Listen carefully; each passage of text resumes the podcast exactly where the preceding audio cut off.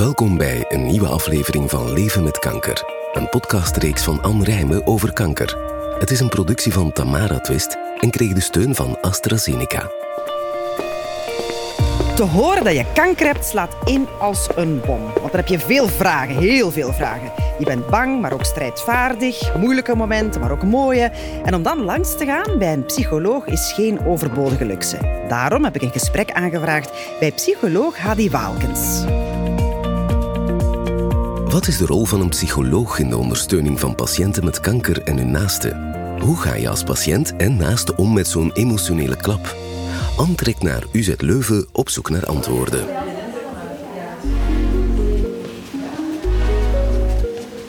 Dag Hadi. Hallo, Jij bent psycholoog, relatie- en gezinstherapeut en seksuoloog. klopt. Maar dat is heel veel. Hoe lang werk je al met eh, patiënten met kanker?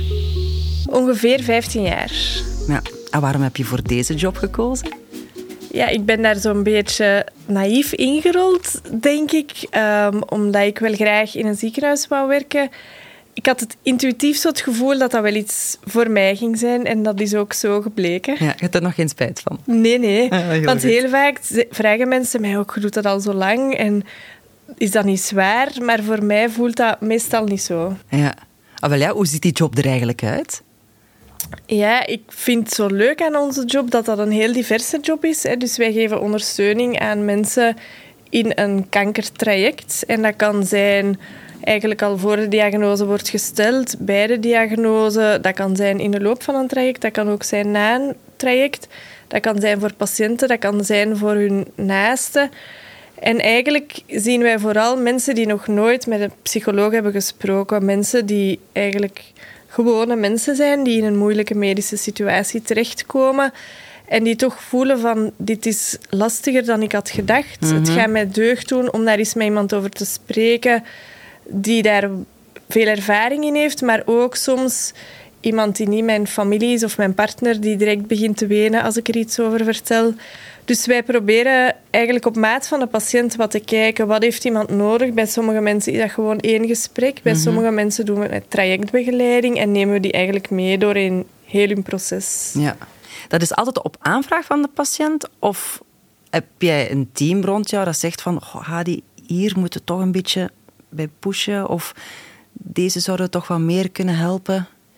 Dat kan ook weer van alles zijn. Soms is dat op vraag van de patiënt zelf. Soms is dat ook op vraag van de kinderen of de partner of de Ah, beste ja, vriendin. ja.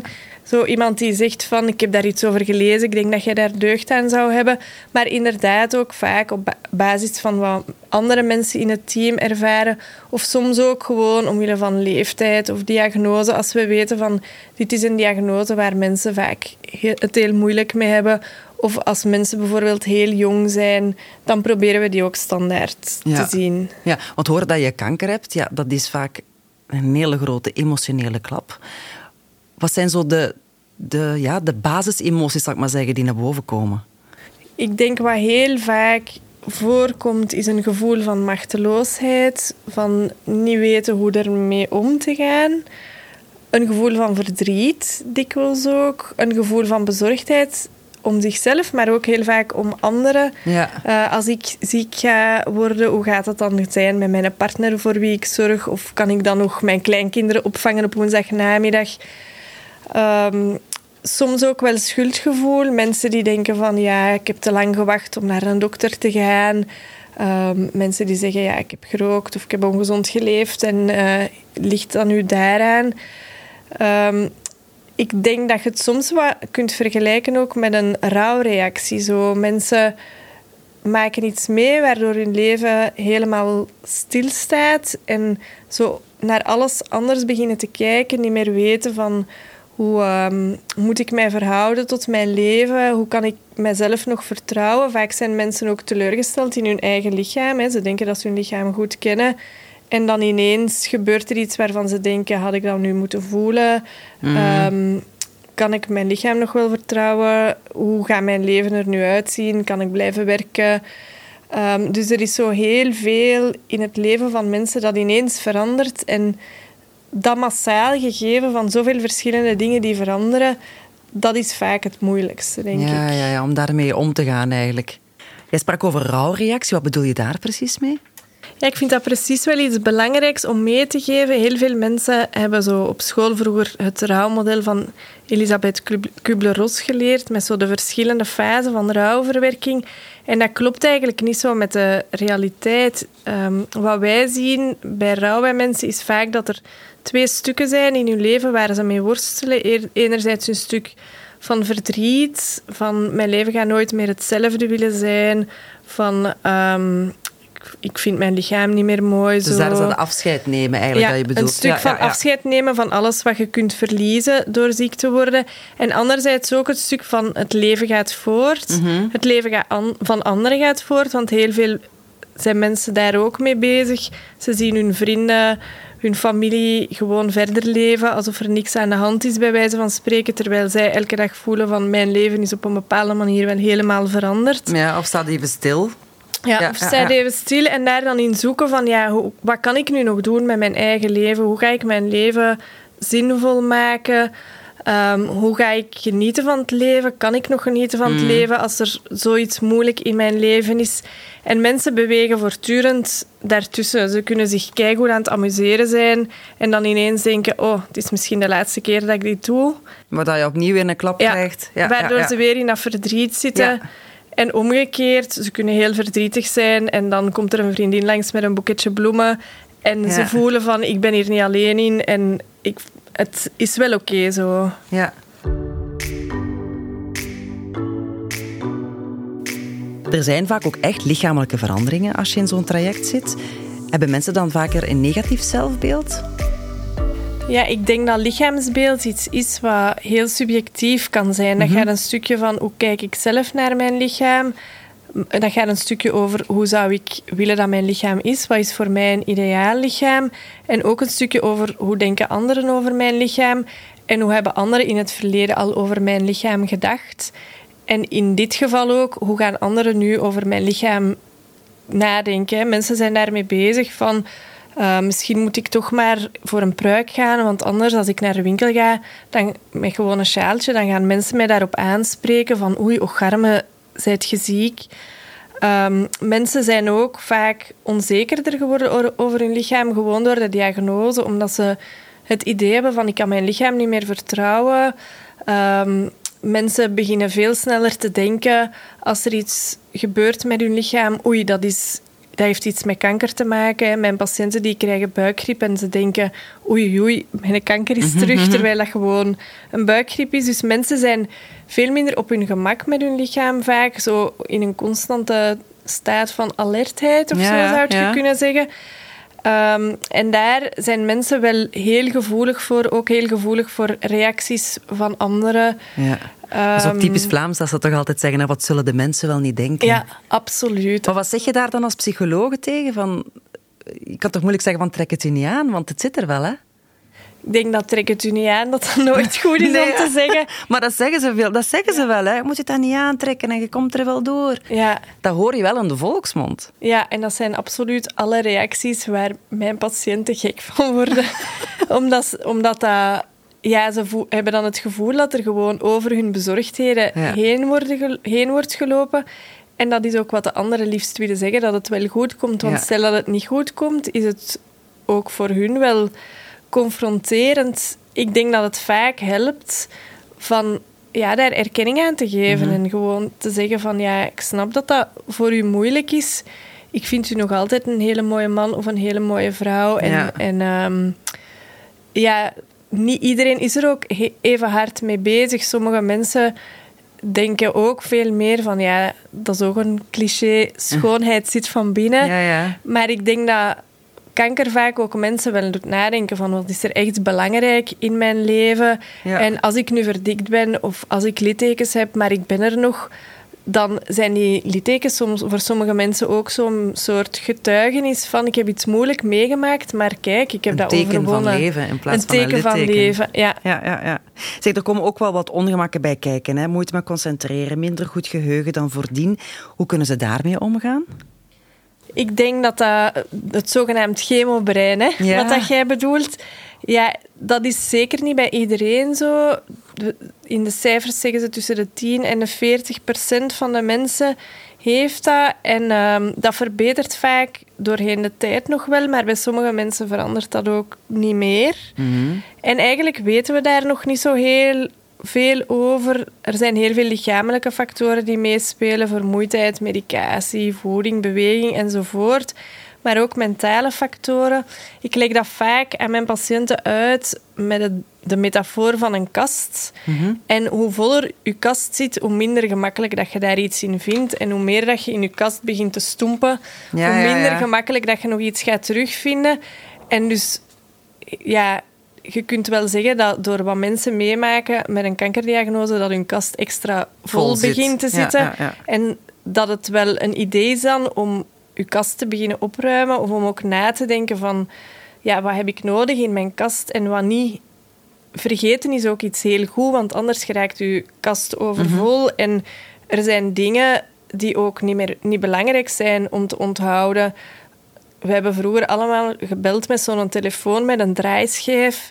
Ik weet nu niet meer zeker dat ik daar nog mee zou kunnen bellen, maar dat maakt niet uit, want ik ga dat ook nooit in mijn leven nog nodig hebben. Hè. Nee. Dus ik denk dat je een stuk ook mocht beseffen van vergeten is oké. Het gaat erom dat je de belangrijke dingen je herinnert. En dat het dan ehm, wel goed is dat je wat nadenkt van hoe kan ik zorgen dat mijn kast zo opgeruimd mogelijk is, dat er nog iets bij kan.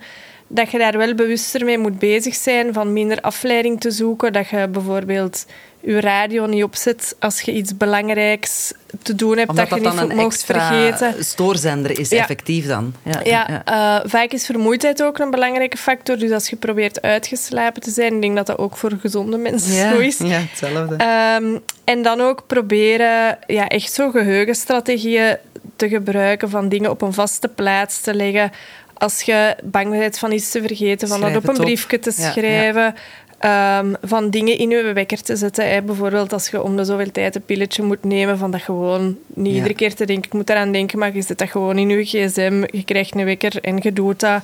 Eh, een goede kalender te gebruiken en ja, Hmm. ook gewoon wat mild te zijn voor jezelf. Dat gebeurt bij iedereen, dat je iets in je berging ging gaan halen en dat je daar staat en, En dat je je het niet meer weet. Ja, wat kwam ik hier nu weer Ja. doen? Dan zeggen ze toch dat het trucje is door dezelfde deur terugkomen. Ja, hè? absoluut, absoluut. Ja, Zeg, en heb je ook nog zo praktische tips om patiënten wat sterker te maken of wat sterker in het leven te staan? Want in het begin is het toch echt eh diepe put of een diep dal waar dat je door moet. Wat zeg jij dan? Ik denk dat ik heel vaak aan mensen wel zeg van te proberen mild om te gaan met, met zichzelf. Ehm, er zijn niet zoveel ergere dingen die je in het leven kunt maken, meemaken dan een kankerdiagnose en een kankertraject. En in die zin is dat wel oké dat je niet zo goed voelt, dat je soms verdrietig bent. Het zou raar zijn als dat niet zo was. Ehm, en van mensen ook wel wat bewust eh, laten maken van hun veerkracht. Dat is gewoon zo. Sommige mensen kunnen meer dragen dan anderen. Je kunt dat ook niet echt bijzonder hard trainen, maar mensen te laten voelen van ja, wat zijn nu mijn grenzen en ik hoef daar niet over te gaan. Ik hoef mezelf niet te bewijzen. Ehm, van hun verwachtingen realistisch te maken naar zichzelf. Ehm, en ik denk ook wel, dat is ook een cliché, maar toch proberen te genieten waar het kan. Waar het kan, hè? Ja. Ja, de mensen die ik dat zie doen, die, daar, die die kunst verstaan, zal ik maar zeggen, die hebben ook gewoon een betere levenskwaliteit. Ja, ja, ja. Ehm, en ik denk ook een hele belangrijke is van je kwetsbaar te durven laten zien ten opzichte van jezelf, ten opzichte van anderen. Want daarin vind je heel vaak verbinding, vind je heel vaak steun. Als niemand weet hoe, die- hoe moeilijk dingen zijn, kunnen ze er ook... Ook niet achtervragen Nee. of niet helpen. Hè. Praten is altijd belangrijk, maar mensen moeten het ook weten, zoals je zegt. Maar wat zijn zo de uitdagingen voor de mensen die ernaast staan? Familie, vrienden, eh, buren, dichte kennissen, verre kennissen, collega's. Wat zouden zij doen? Dat zijn veel vragen tegelijk. Ja, hè? want dat is zo de cirkel rond, Ja. vind ik. Ja, en ik, dat is wel mooi dat je dat zegt met die cirkel, want ik leg dat ook vaak uit aan de hand van cirkels. En naar gelang de cirkels zijn er ook andere dingen nodig. Ik denk een hele belangrijke is communicatie. Ehm, En ik denk dat mensen daarover mogen nadenken van in welke cirkel wil ik hoe communiceren. Wil ik even veel vertellen aan mijn collega's als aan mijn beste vrienden? Ah, ja. Ehm, hoe communiceer ik zeg tegen sommige mensen van ik ga er wel zelf eerst iets over zeggen of heb je graag dat je aangesproken wordt? Maar ook voor al die mensen er rond is het moeilijk. En we zien zelfs uit onderzoek dat zeker de partners, maar ook soms ouders, het moeilijker hebben dan de patiënt Ja, zelf. ja. En dat die heel vaak vergeten worden. Dat er aan een partner wordt gevraagd, zeg, en hoe is het met uw man? Maar dat ze nooit vragen, hoe gaat het nu eigenlijk met u? Vaak is het ook zo dat de partner heel veel rollen moet overnemen van de zieke patiënt. Ehm, dat er, ja, maar dat hij wel bijvoorbeeld moet blijven werken en dat er heel veel extra taakjes bij komen. Ehm, en dat ze ook het moeilijk vinden om daar iets over te zeggen, omdat ze denken, ja, dat wordt van mij verwacht dat ik dat doe. Dat is evident, terwijl dat eigenlijk op lange termijn niet zo evident blijkt. Welke raad geef je vaak dan aan zo'n partner of aan de familie? Ik denk dat de gouden raad communicaties over wat je wilt en wat je verwacht van elkaar. Want daar begint het al mee. Dat is niet zo Nee, voor iedereen even dat makkelijk. is niet hè? voor iedereen even makkelijk. En wat ik heel veel zie, is zo dat mensen elkaar proberen te sparen. Dat Ja. ze denken, ik ga daar nu niks over zeggen, dat ik het moeilijk heb. Want dan gaat hij beginnen wenen of die heeft het al zo moeilijk. Ja. En eigenlijk is dat heel contraproductief, want dan geraken mensen zo op eilandjes. En mensen hebben eigenlijk net verbinding nodig. Mensen willen degene die ze graag zien dicht bij hun. En die eilandjes zorgen dat mensen zich veel eenzamer, onzekerder voelen. Dus ik probeer heel vaak mensen daartoe aan te moedigen van ja, toch gewoon hun kwetsbaarheid te laten zien. En dan kun je nog altijd zeggen van ik voel mij niet zo goed. Is het een goed moment om erover te spreken? Maar tenminste, dat lijntje uitgooien Ja. is wel heel belangrijk. Ja. Welke impact heeft het op een relatie? Dat kan alle kanten uitgaan. Ja? Ik denk dat dat heel hard gaat over wat is de kwaliteit van een relatie. Vaak worden goede relaties nog beter, omdat mensen zeggen we, we hebben elkaar zo hard gevonden, we zijn door die moeilijke periode zo mooi samen aan het gaan, dat dat zo'n upgrade is van je relatie. Je hebt elkaar zo ooit gezegd van we beloven elkaar trouw in goede en kwade dagen. En zo het feit dat je dat echt kunt, dat helpt. Soms is dat ook niet het eerste moeilijke ding dat mensen tegenkomen. Anderzijds, als je bijvoorbeeld nog niet zo lang samen bent, nog niet goed weet van ja, wat heeft de ander nodig als het moeilijk is. Als je merkt van ja, die belt altijd naar je beste vriendin. Ja, waarom kan ze dat niet met mij Waarom kan ze niet met Ja. mij, inderdaad? Of soms is het ook zo, mensen kunnen op elk moment in hun leven kanker krijgen. Soms is het ook zo dat de relatie eigenlijk al niet zo goed zat. Dat mensen bijvoorbeeld op een punt zaten waarin ze aan het nadenken waren om te scheiden. Dat ze dan vinden van, ja, ik kan dat wel niet meer doen, maar er is wel geen liefde meer. Er waren al veel conflicten, Problemen, er ja, waren ja, al problemen. Ehm, dat zijn de mensen die wij dan vaker zien. Hè, want als mensen goede relaties hebben, partnerrelaties, maar ook familierelaties, dit vriendschapsrelaties. Ja, ja, dan kunnen ze dat meestal veel beter dragen. Het zijn de mensen die zoekend zijn in hun sociaal netwerk, die gemakkelijker bij ons terechtkomen. Ja. Wordt er ook gepraat over seksualiteit? Ik vind dat heel belangrijk om over te spreken. Ehm, ik ben ook blij dat dat hier aan bod komt. Er zijn heel vaak veranderingen in het seksueel leven van mensen. Ehm, en ik merk, en dat, dat is ook in de literatuur bewezen, dat het heel belangrijk is dat wij daar als hulpverlener de eerste stap in nemen. Mensen vinden dat heel moeilijk om daar zelf over te beginnen. En eigenlijk verwachten mensen ook van hulpverleners dat ze zelf daartoe de aanzet geven. Dus dat het eigenlijk eerst een stuk van jou komt, Ja. zodat zij kunnen... Ja, dat wij een meegaan. opening creëren. En ik zeg dat in mijn eerste gesprek vaak gewoon van... Ik ben ook seksuoloog. Ik weet dat er dikwijls ook op dat gebied dingen veranderen. Als je daar ooit een vraag over hebt of een bezorgdheid, je kunt altijd bij mij terecht. En dat is maar in 10% van de gevallen of zo denk ik dat mensen dan zeggen... Ah ja, daar wil ik meteen nu op ingaan. Ah, ja. Heel vaak komt dat dan na een paar sessies, als mensen nu zo al wat beter kennen, dat ze zeggen, ja, je had toen gezegd dat we daar iets over mochten zeggen. En ik heb daar eigenlijk wel een vraag over, of eh, ik maak mij daar zorgen in. En dan kan dat ook over van alles gaan. Heel vaak hebben mensen gewoon ook minder zin in seks, maar heel dikwijls zie ik ook dat ze eigenlijk wel zin hebben om te vrijen. Maar dat daar ook zo weer dat spaargedrag is, dat partners denken, ja, ik ga hem misschien pijn doen nu, of ehm, dat klopt zo... Ja, geforceerd, geforceerd over. over ja, of, of zo, ja, alsof dat je geen rekening meer houdt met dat iemand ziek is. En zo zie ik wel dikwijls mensen voor wie dat seksualiteit heel belangrijk was, die elkaar daarin wat kwijtgeraken en die ook niet altijd veel aanmoediging nodig hebben om dat weer op te nemen en mhm. daardoor hun verbinding weer veel beter krijgen. Ja. Je ziet heel veel mensen, kan je zeggen zo, welke emoties dat er echt altijd naar boven komen? Ik denk dat het een confrontatie is met kwetsbaarheid op veel verschillende manieren.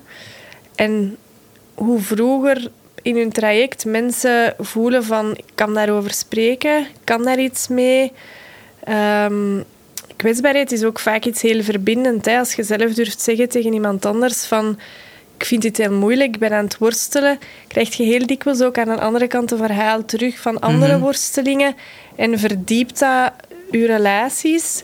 Dus ik denk dat dat wel een hele belangrijke is van ja, iedereen staat kwetsbaar in het leven. We hebben niet de gewoonte van daarover te spreken met elkaar.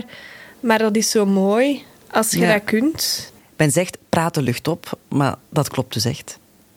Ja, praten lucht op. En dan zeker niet alleen over koetjes en kalfjes, maar ook over moeilijkere dingen. Want dat kan mensen zo mooi met elkaar verbinden. En als jij dan naar huis gaat, Hadi, wie zorgt er dan voor jou? Ja, ik denk dat ik heel veel fantastische vrienden heb, een fantastische familie. Ik denk ook dat het niet alleen over het naar huis gaan gaat. Ehm, ik denk dat het heel goed is dat je op het werk ook voor elkaar kunt zorgen. En dat ik heel veel collega's heb, dat wij echt zo wel een dynamiek hebben onder de collega's, van eens tegen elkaar te kunnen zeggen, je hebt vandaag toch een moeilijk verhaal, kan ik daar mhm. iets tegen u over zeggen? Ja, en dan denk ik ook, mijn drie fantastische zonen, niet dat die altijd heel veel voor mij zorgen, maar die zorgen wel voor mij in de zin dat die mij heel hard in het hier en nu laten leven. Ik kom thuis en die vragen, mama, wat eten wij vandaag? Ik heb honger. En dan kun je meteen alles loslaten van hier op het werk. En sowieso denk ik, met alle verhalen die ik hoor, ik heb zoveel respect voor hoe mensen omgaan met moeilijke dingen in hun leven. Dat helpt mijzelf ook wel heel erg om de dingen in mijn eigen leven te relativeren. Ah, wel, ik vond het fijn dat ik met jou heb kunnen praten, Hadi. Dank je wel. Dat is heel leuk, dank je hoor. Bevalt deze podcast jou? Beluister dan zeker ook onze andere podcasts om meer te weten te komen over leven met kanker. Deel het met mensen uit je omgeving waarvoor het ook een steun kan zijn. Bedankt voor het luisteren en graag tot een volgende keer.